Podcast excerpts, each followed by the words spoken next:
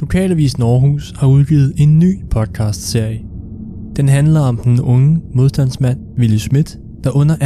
verdenskrig var den første dansker, der blev dræbt i direkte skudkamp under en sabotageaktion. Øh, Så der var der jo krig på kniven, øh, når der skete noget. Ja, altså en, en, en klassisk måde at bevæbne sig selv på i den tidlige øh, periode, og faktisk også senere, det, det var at, at, at stjæle våben fra, øh, øh, fra tyskerne. Han dør af sorg. Øh, og så er han måske også chok over, hvordan han bliver behandlet af tyskerne og SS'erne. Hvem var Willy Schmidt? Hvor vigtige var hans handlinger under besættelsen? Og hvordan var sabotagen egentlig organiseret? De spørgsmål får du blandt andet svar på i serien, hvor historikere, museumsinspektør, familie til Willy Schmidt, gamle kammerater og andre relevante personer er med til at fortælle historien om den dræbte sabotør og hans gruppe.